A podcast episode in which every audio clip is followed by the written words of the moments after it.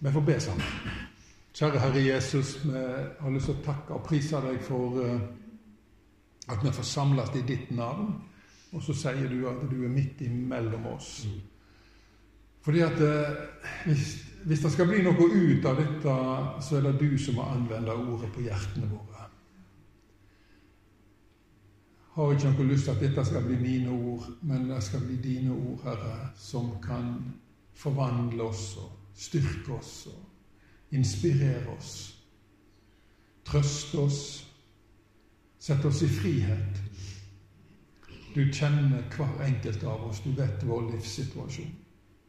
Du vet hva som vi trenger. Og jeg ber i ditt navn om at du skal gi oss da denne søndags formiddag på Soar bedehus. Amen. Soar bedehus. Jeg har nettopp eh, jeg har lest i Bibelen i kolossalt mange år. Men så oppdaga jeg hva Soar var for noe. Jeg begynte litt på første Mosebok her. Og plutselig så, så traff jeg på Soar, altså. Men det var ikke et bedehus, men det var altså en landsby i nærheten av Sodoma og Gomorra. En tilfluktsplass. En fin ting. En eh, sterk, sterk symbolikk. Vi skal lese sammen ifra eh, Johannes' åpenbaring, kapittel 3. Og da er vi, mener jeg, i vers Noe kommer synet etter hvert, med 7 til 13. Eller 7 til Jo, 7 til 13, mener jeg. Skriv til engel for menigheten i Filadelfia. Dette sier den hellige og sannferdige, han som har Davids nøkkel, han som åpner så ingen kan stenge, og stenger så ingen kan åpne. Jeg vet om gjerningene dine. Sjå, jeg har sett framfor deg ei åpna dør som ingen kan stenge, for du har liten kraft. Og du har holdt fast ved mitt ord og ikke fornekte mitt navn. Sjå, jeg skal la noen komme fra Satans synagoge, slike som lyger og sier at de er jøder, men ikke er det. De skal komme og kaste seg ned for føttene dine. Og de skal forstå at jeg har elska deg. Fordi du har tatt vare på mitt ord om å holde ut, vil jeg bevare deg gjennom den tida av prøvinger som skal komme over hele verden for å prøve de som bor på jorda. Jeg kommer snart. Hold fast på det du har, så ingen tar sigerskransen fra deg. Den som sigrer, vil jeg gjøre til ei søyle i min Guds tempel, og aldri mer skal han forlate det. Jeg vil skrive min Guds navn på han sammen med navnet på min Guds by, det nye Jerusalem, som kommer ned fra himmelen, fra min Gud, og også mitt nye navn. Den som har øyre, hør hva Anden sier til kirkelyene. Philadelphia ble grunnlagt av en konge ifra Pergamon, som er en av de andre byene der det var en kirkelig som fikk brev fra Jesus. Han heter Attalus den andre. Og så fikk han tilnavnet Filadelfos. Og da kom av at han hadde en bror. Og han var så forferdelig glad i denne broren sin. Og Filadelfia betyr brorskjærleik. Men det har ingenting med denne menigheten å gjøre. Allikevel så fins det hundrevis av pinsemenigheter som heter Philadelphia. Og det er fint. Men det har, altså, det har ikke noe bibelsk opphav, det har et hedensk opphav. Men det er jeg ikke sikker på om alle vet om. Men brorskjærleik har et bibelsk opphav. Men selve navnet, altså, er laga av en vaskeekte hedning. Han eh, levde i tida, eller han regjerte i tida fra 159 til 135 før Kristus. Det er Philadelphia eksisterer den dag i dag, men heter nå Ala Sehir. Tyrkerne lagde nye navn på alle byene. De ville at det skulle være tyrkiske navn. Ala Sehir ligger litt i sør-vest, ikke så langt ifra Ismir. Kanskje noen har vært der? Smyrna, som også er en av disse her eh, kirkelyene. Eh, engel, Skriv til engel for kirkelyen i Philadelphia. Engel, det var pastoren. Så nå vet dere hva jeg er for noe.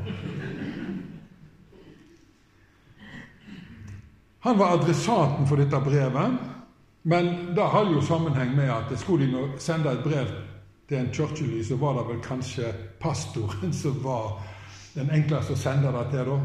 Det er jo sånn når Kristkirka får brev òg, så sender de det til meg. Det er jo ikke mer komplisert akkurat da, da. Men så er det en fiffig ting her. De sju menighetene som Jesus skriver brev til her i kapittel 2 og 3 i Johannes' åpenbaring, de fikk sannsynligvis ikke brevet tilsendt separat. De, det ble sendt av gårde sju likelydende bokruller, så alle sju fikk brevet til alle sju. Men ikke bare da. Sannsynligvis så fikk de hele Johannes' åpenbaring. Altså, ble boka ble kopiert. Og Da fører tankene våre dit hen at disse sju kirkene i Little-Asia representerer sju tilstander som Guds menighet kan være i til enhver tid. Tilstander som må behandles etter Jesu oppskrift. Og Den eneste menigheten som ikke fikk kritikk for noe, det var Philadelphia-menigheten. Alle de andre var litt pluss og litt minus. Men det er litt fint med Jesus at han går ikke bare og ser sånn svart-hvitt. Enten så er det bare bra, eller så er det bare dårlig. Han ser nyansene. Og Det gjør han òg i ditt liv. Han vet hva som er bra i ditt liv, og så vet han hva som ikke er så bra i ditt liv. Men finner han litt grann som ikke er så bra, så sparker han deg ikke ut gjennom dørene. Han har satt foran deg ei åpna dør, men det er ikke døra ut. Det er døra inn til noe. Og det er stor forskjell på. Han vet hvordan han skal handsame deg og meg. Men det er sånn med enhver kirkely. Den som er Philadelphia i dag, kan være Laodikea i morgen. Kan være brennende i dag, kan være lunken i morgen. Og da må det litt annen medisin til. Forskjellig medisin. Han presenterer seg her som den hellige og sannferdige. Det står ikke 'sannferdig'. Det står 'sanne'. Den hellige og sanne. Og Det betyr at det, han er den sanne Gud. betyr det. Og den sanne Gud er naturligvis sannferdig. Men sannferdig er det mange andre som er òg Ja, ja. Vi, er, vi, kan lyge. Det er noe særpreget med oss mennesker. Vi kan lyge.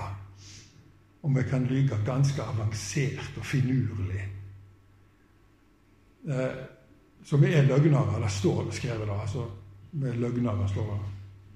Og når vi kikker litt nærmere på hva vi sier, så skjønner vi at eh, ja, Gud, du hadde rett i dag òg. Vi overdriver litt, og vi er litt sånn omtrentlige med sanninga. Og noen ganger så forteller vi helst det som liksom kommer ut til vår fordel, og så utelukker vi det som kommer i vår disfavør. Det er sånn det er. Det var derfor Jesus måtte dø, altså. Fordi det er sånn det er. Men han er ikke sånn.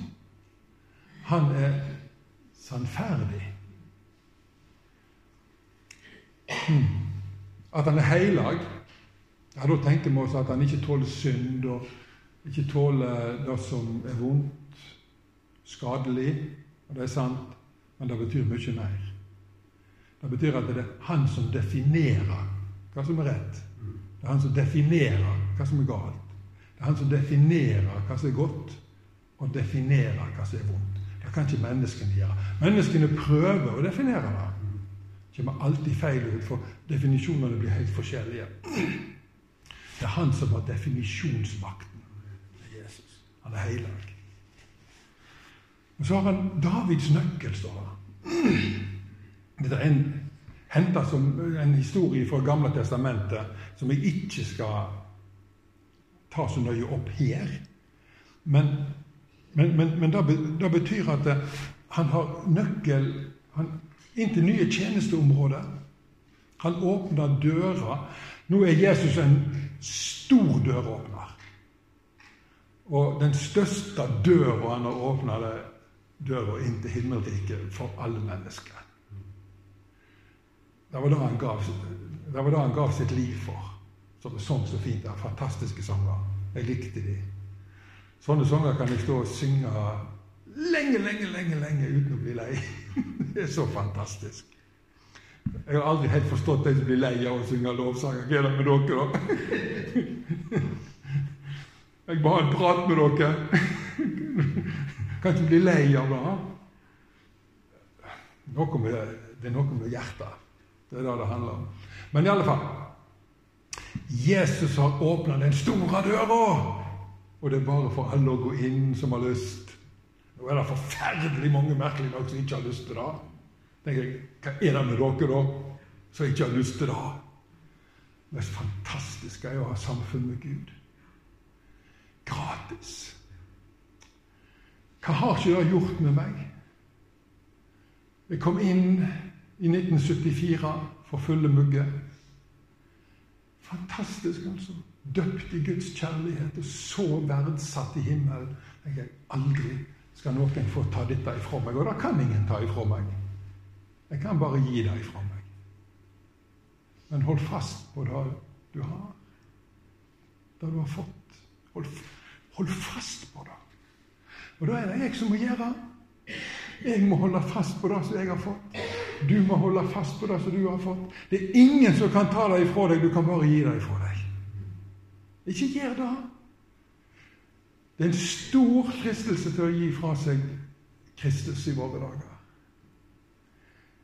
Verden vil kreve av deg at du gir deg fra deg etter hvert. Mer og mer. Du får velge mellom våre verdier og denne herre Jesusen sine verdier. Ja, da velger jeg Jesus!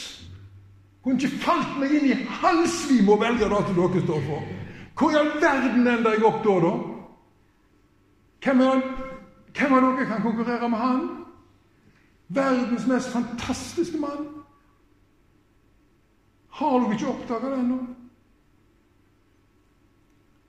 Jeg var på repetisjonsøvelse i militæret det er lenge siden for jeg er blitt en gammel mann. Men vi lå ute i et telt og vi holdt på med noe vakthold en natt. og Jeg hadde nå traska med meg bibel. from som jeg var. Måtte ha noe å lese på. Og kompisene mine der, de hadde med seg ja, litt ureine blader. Som, det, det, er sånn, det, det, er repetisjonsøvelse. Det er sånn. Kvinnfolk, dere må bare vite det. Sånn er det. Mannfolk oh, Rare typer. Men i alle fall, så satt vi der og leste i hver vår litteratur. Og så, så er det en som ser på Hva er det du leser på? sier jeg. leser i Bibelen. Selvfølgelig, sier jeg kjempehøy. Ja, jeg jo alltid å, Bibelen. Ja, hva leser du på, da? spør jeg. Nei, det var ikke noe spesielt. Og så bare vekk med det. Ja Men spør jeg, men le, pleier du ikke å lese i Bibelen? Nei, gjorde ikke det. Så ble jeg stilt i hele dette teltet. Er det ingen av dere her som pleier å lese i Bibelen, da? spør jeg. Nei. Er dere aldeles på styr? Sprøyte gale folk! Leser dere ikke den boka som har verdens største utbredelse? Den mest berømte av all litteratur i historien? Den boka må jo inneholde noe som er viktig for dere! Og så får dere det ikke med dere fordi dere skal lese på det søpla som dere har Av og til så tar disse tingene meg. Men du verden for en samtale vi fikk. Om Jesus, om frelsen, og om den gode vei, og om det gode livet. Og de kom aldri mer opp, disse planene deres. Ja, Så gav de meg hedersnavnet hans, Nilsen Hauge, før vi var ferdig med vakta. Yes, tenkte jeg. Han vil jeg ligne på. Kan aldri måle meg, men kjekt at dere sier det. Ikke sant? Frimodigheten har stor lønn, altså. Hva var det som skjedde der? Jo, han med Davids nøkkel var i vaktteltet og åpna ei dør for meg. Det var det som skjedde. Se, jeg har satt framfor deg ei åpna dør. Da kan ingen stenge. Tenk på det. Av og til så hører du at det, det, det, er stengt i et møte, og var det en eller annen som satt og stengte? Nei! Hvis Jesus har åpna ei dør, så er det ingen i møtet som kan stenge noe som helst! De kan kun stenge hjertene sine, men de kan aldri stenge møtet. Det kan dere være helt sikre på. Så stor makt har ikke menneskene! Når Jesus har brukt nøkkelen sin, så blir det åpent. Jeg vet om gjerningene dine, om, om trua di, om hvordan du har det, betyr det. Om seirene dine. Jeg vet om nederlagene dine. Om de valgene som du har tatt, om de gode valgene og de dårlige. Jeg vet om de. Jeg vet om holdningene dine. Om verdiene dine, historien din hvordan du prioriterer tida di. Alt dette vet jeg om, sier Jesus. Det er dette som ligger i ordet 'gjerninger'. Det er et svært ord som rommer mye mer enn det som vi gjør med hendene våre. Og godt er det at Jesus vet.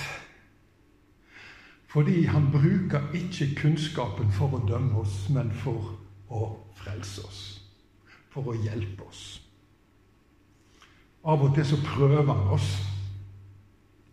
Det er akkurat som når du har bil inne til EU-kontroll. I utgangspunktet så skal han jo ikke vrakes, men han skal settes i stand til å tåle et par år til på veien. Ikke sant? Men da må de prøve de ulike funksjonene, bremsen og styrefunksjonen og alt dette her. Er det i orden? Om de må riste litt i den. Ja, det gjør de faktisk sånn fysisk. Og hvis det er noe som er svakt, så må det skiftes ut for at det skal bli sterkt igjen. Og når Jesus prøver deg på en eller annen måte, det kommer en rystelse inn i livet ditt, så tenker du nå er han sint på meg. Nei, du er på EU-kontroll! Han rister bare litt i deg for å finne ut hva som må skiftes ut. Hva du må bekjenne for han og for, kanskje for mennesker. Kanskje er det ting som rett og slett må går rust som må ut av systemet ditt, altså. Du skal ikke være overraska om det kommer rust i systemet.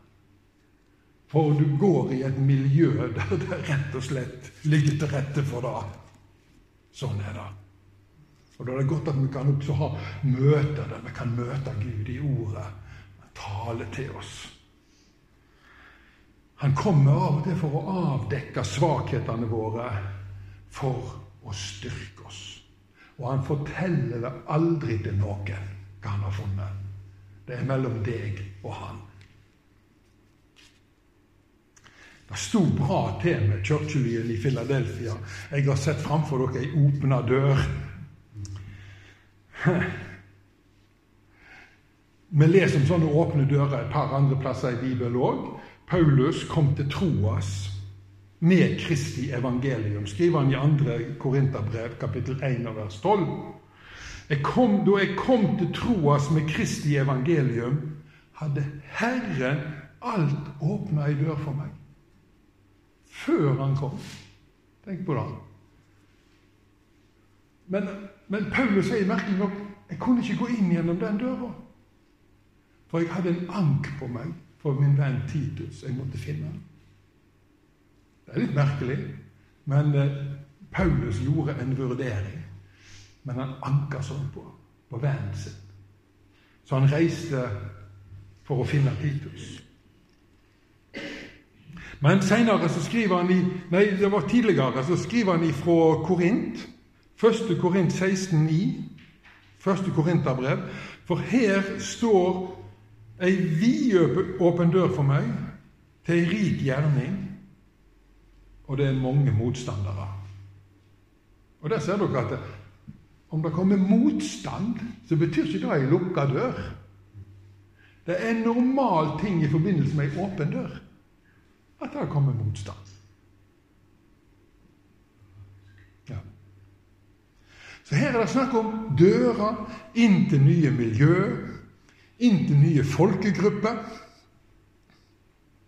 Og Jesus hadde åpna døra for Filadelfia-menigheten inn til et nytt miljø, til mennesker som var åpne for evangeliet, eller som ble åpne for evangeliet. Jesus ser hvem som er åpne og så åpner han døra for menigheten inntil de åpner.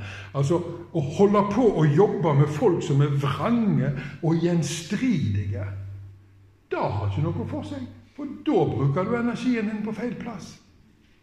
Så hvis du merker da at folk bare runger seg, bare gå ifra dem. Deres tur kommer seinere. Du er ikke klar for dette her. Må jakte etter de som er åpne. Så, Gud, kan du åpne Døra for meg inn til de åpne. Da blir det vekst. Og de tar imot, vet du. Det er så lett som bare det.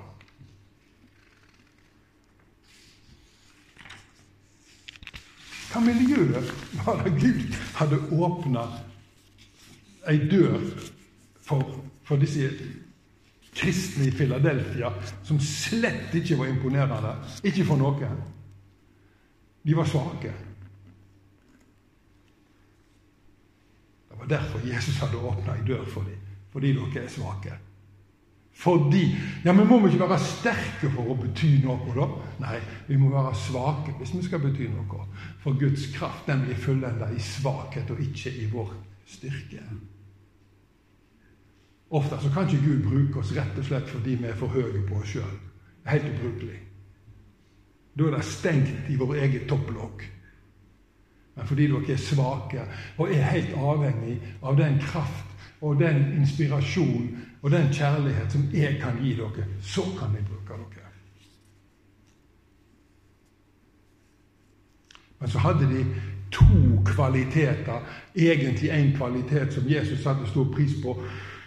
Dere har tatt vare på mitt ord, eller holdt fast på mitt ord, og ikke fornekta mitt navn.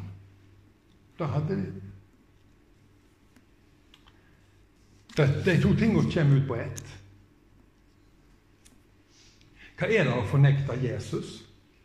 Det er ikke å stå fram på en eller annen slags plattform og si som sånn at eh, 'jeg tror ikke på Jesus lenger', og 'jeg tror ikke han har frelst verden', 'jeg tror ikke han er Guds sønn'. Det er klart de fornekter Jesus, men det er ikke det som er ment her.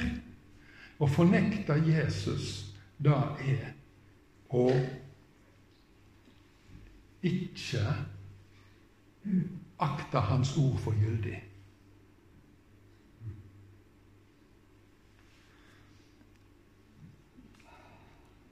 Det er så mange i våre dager som vil sette Jesus sine ord ut av kraft, vil sette Bibelens ord ut av kraft.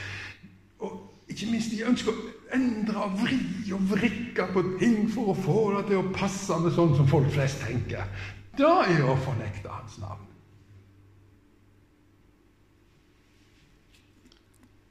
Da låser han dørene. Da kan ingen åpne. Og Det er forstemmende å se at de kristne ledere, de som skal være talerør for Gud inn i folket, de går i den fella. Det er ikke sånn han har meint det. Han har ikke meint det sånn som han har sagt det. Nå skal dere høre at det er sånn som jeg tenker han har meint det. han har ikke, overhodet ikke rådført seg med deg når han har snakket. Du var ikke engang født. Og Resultatet blir at Jesus stenger dører for dem. Og dørene han stenger, kan ingen åpne, og resultatet blir at, at kirkene ikke lenger erobrer nytt land. Det blir tilbakegang for Guds menighet, og så blir det, enda det opp i ruin dersom det ikke kommer en omvendelse. Men så lenge den store døra står åpen, så står kallet til omvendelse åpen for alle kristne ledere og alle kristne forsamlinger og menigheter. Og det er en sånn enorm nåde å vende meg om til Han som har Davids nøkkel. Så begynner han å åpne døra igjen for oss. Nye dører som åpner seg. I Filadelfia skulle dette her bli vanvittig dramatisk når Jesus brukte nøk nøklene sine. Hva miljøet fikk de innpass i? Jo, det miljøet som heter Satans synagoge. Det er et bra miljø å begynne i. Vi begynner i Satans synagoge. Tja, så bra, da. Hæ? Det var en jødisk synagoge i Filadelfia som var ekstremt fiendtlig innstilt til denne menigheten. Og ville ha han vekk derifra. Og gjøre alt de kunne for oss å svekke disse her stakkars sjelene som satt og tilba Jesus. Og så ble de sjøl altså ramma av en åndelig vekkelse. Så de måtte revurdere alle sine forestillinger om Gud og seg sjøl. Og og, og de kristne som de hadde hata. De, de, de, ble så gjennomlyst av Gud at de ser Ok, vi, vi har hata de folka som Gud elsker. Men ikke nok med det.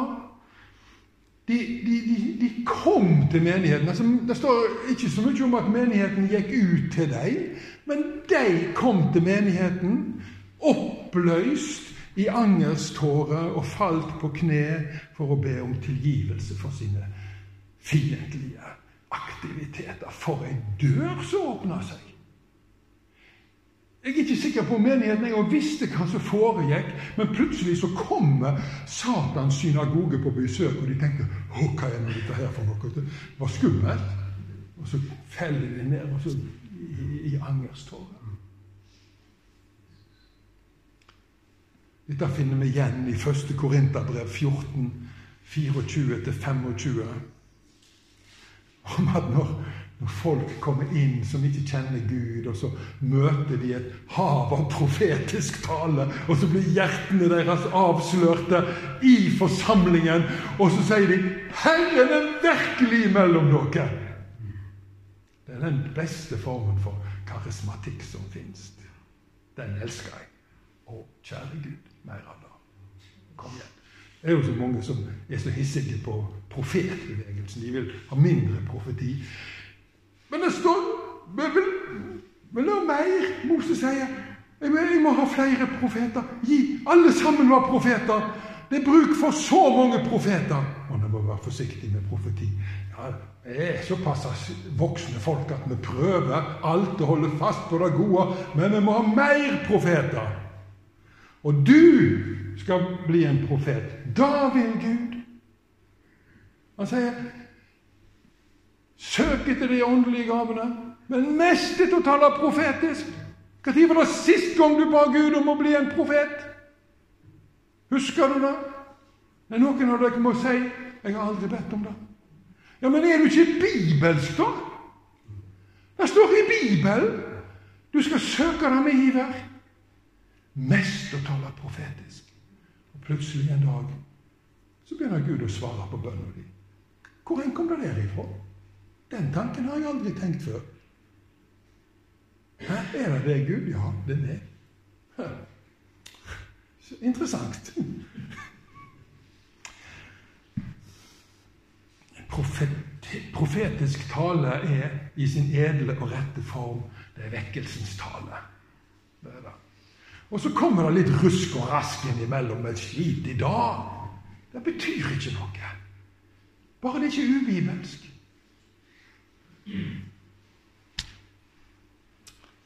Er du åpen for nye eventyr med Jesus? Ja, ja.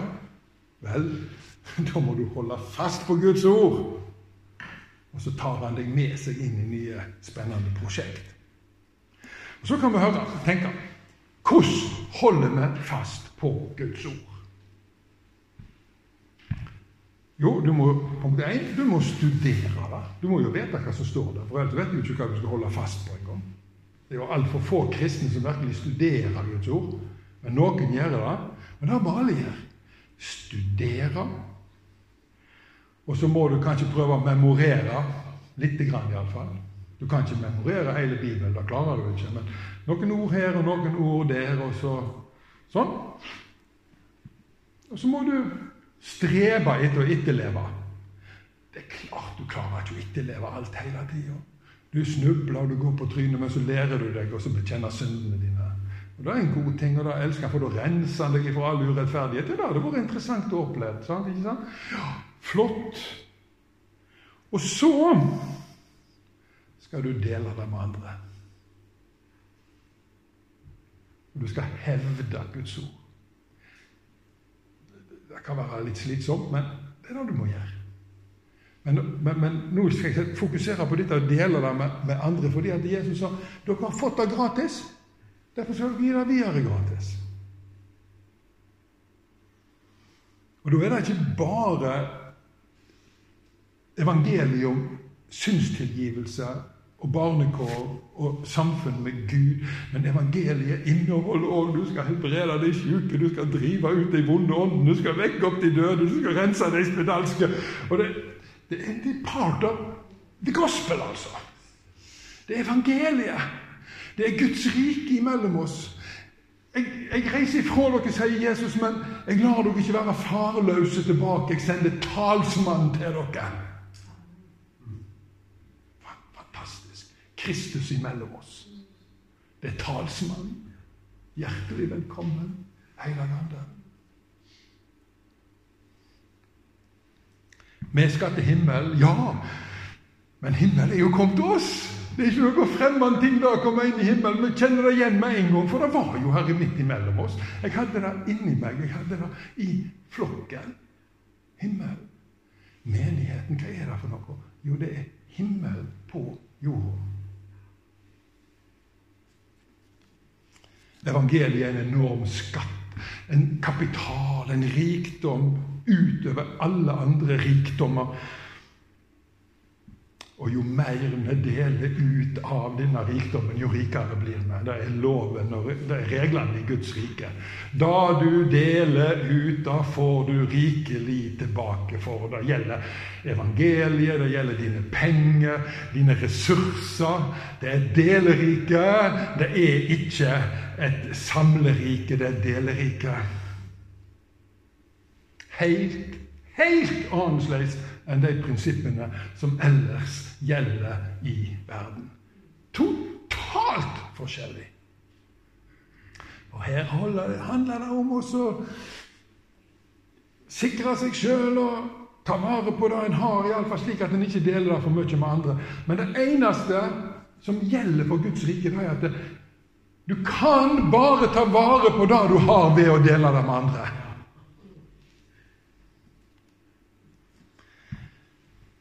Grever vi talentene våre ned fordi vi tenker at det er han som har gitt oss disse talentene, han er en streng mann.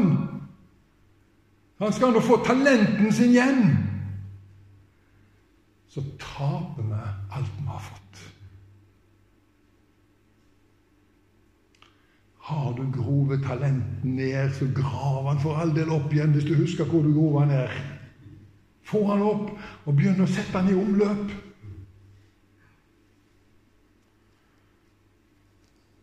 Jeg kommer snart, sier Jesus. Vi snakket om det på bibelgruppa sist. For Marie hun lurte på hvordan er sammenhengen her med at Jesus kommer snart, og så skal alle verdens folkeslag få høre evangeliet før han kommer. og da er jo ennå ikke Er det noen logisk sammenheng her? Og så tenkte jeg, ja, det tenkte på Marie etterpå. Jeg må finne ut av dette her.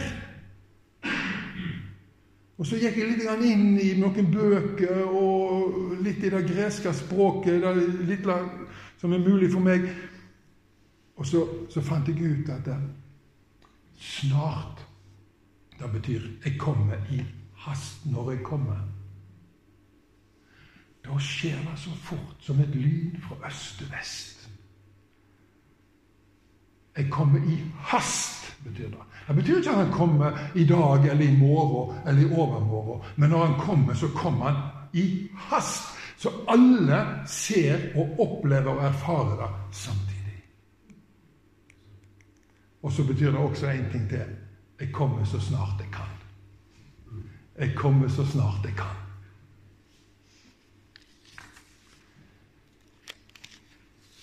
Og Da er det tre ting vi skal holde fast på, skal skje før han kommer. Evangeliet skal gjøres kjent for alle verdens folkeslag. Et visst antall ikke-jøder skal bli frelst. Det er tegn nummer to. Men det tallet er det kun Faderen som har i sitt hode. Det kjenner ikke vi, så det skal vi ikke bry oss om. Nummer tre det er at det jødiske folket skal ta imot Jesus som sin Messias. Som folk!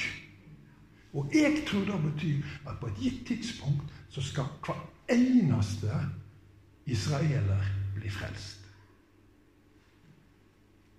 Fordi han kommer som et resultat Og nå tror jeg det står i apostelgjerningene en plass, i begynnelsen, kanskje kapittel 4, som et resultat av at det frelste Israel roper Kom, velsigna være du som kommer i Herrens navn.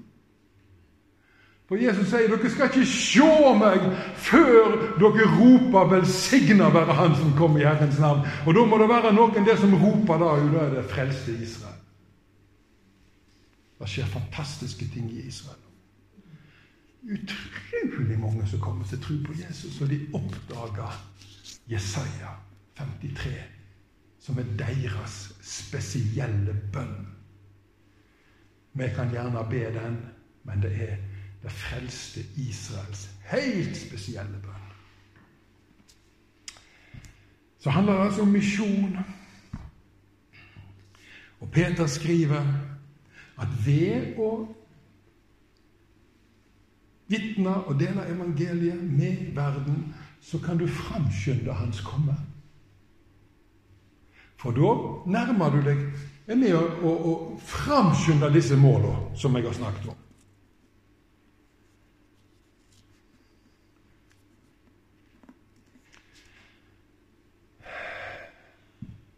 Så lenge du holder fast ved det Gud har gitt deg, det vil si deler det med andre, så holder han fast på deg. Han anerkjenner deg som sin egen, og han skriver sitt navn på deg i ditt hjerte. Der, der, der lever navnet Jesus. Og når det er der, så kommer det over lippene dine støtt og stadig 'Å, Jesus'. Å, Jesus. I alle slags situasjoner så kommer Jesus sunket. Fordi han har lagt sitt navn ned i deg. Så fyller han deg med seg sjøl. Altså at han gir deg del i guddommelig natur. Og Da blir du ikke lenger en sånn der vaklevoren kristen, men du er grunnfesta i Han. Det er mange som svever hit og dit med skiftende vinder. Og, og, og jeg ser så mange kristne som krymper seg med en gang djevelen sier bø. Det skal ikke være nødvendig. Du vet at Han har jo ikke engang nøkkel til huset sitt lenger. Han er jo ferdig. Det står at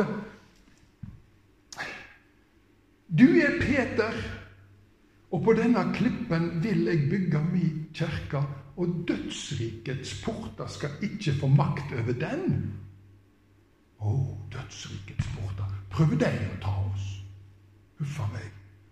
Nå må jeg gå over. Nei, dødsrikets porter jakter jo ikke på deg. Det er du som jakter på deg. Det er du som går til angrep. Det er du som er farlig. Og fordi du går til angrep for å komme deg inn gjennom de portene for å fri menneskene ut, så kjenner du på kampen. Men de skal ikke få makt over deg. Sånn. Du skal kjempe deg gjennom for å hente de ut som sitter i fangenskap. Det er vi som er farlig for djevelen, og det er ikke han som er farlig for oss. Kan du forstå det? Men det er lett å forstå når vi tenker på at vi går og bærer Kristus med oss i vår kropp. Vi er ikke til å spøke med.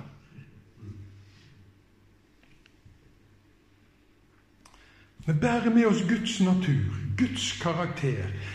Ja, vi bærer også med oss den gamle Adams natur og karakter. Det er konflikten men du og meg må se til hvem som får mat. Den som du mater, seirer i deg.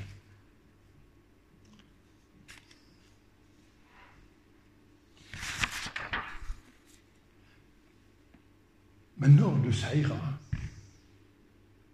så føler du deg ikke så sterk likevel. Du føler deg bare avhengig av han som du har satt din lit til. Den som seirer, står det her. Det står egentlig ikke det. Det står ho Nikon. Nikon det er jo et fotografiapparat. Men det er faktisk talt henta derifra, navnet på dette fotoapparatet. Nikon betyr seirende. Det er en partisippformulering. Det er ikke den som seirer, men det er den seirende. Så dette er ikke noe som ligger i framtida, men det er noe du holder på med her. Det er her du seirer. På daglig basis. Den seirende.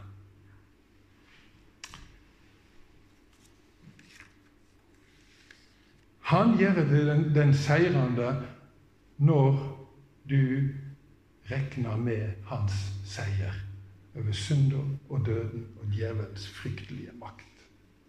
Da er, da er han den seirende i deg. Du blir ikke høy på deg sjøl, for i det øyeblikket du blir høy på deg sjøl, så tjener du ikke lenger Jesus. Men en kristen identitet er likevel ikke at du er en synder, men at du er en barn av Gud. At du er med i et kongelig presteskap. Det er din identitet.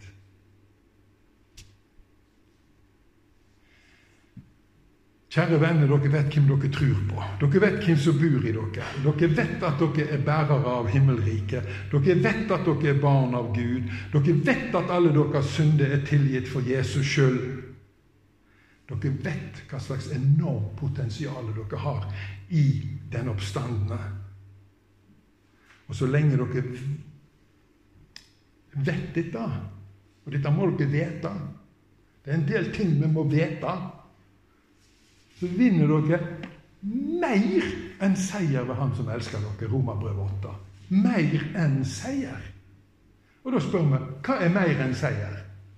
Jo, det er å erobre ny mark. mark. Erobre nytt territorium. Det er mer enn seier. Vinne nytt land for Gud, nye mennesker. Og dere kommer til å introdusere Kristus nye, i nye miljø når Han åpner døra for dere. Dette er en flott framtid for Soar bedehus på Halsnøy. Ære være Faderen og Sønnen og Den hellige ande, som var og er og være skal en sann Gud fra Eva og til Eva. Amen.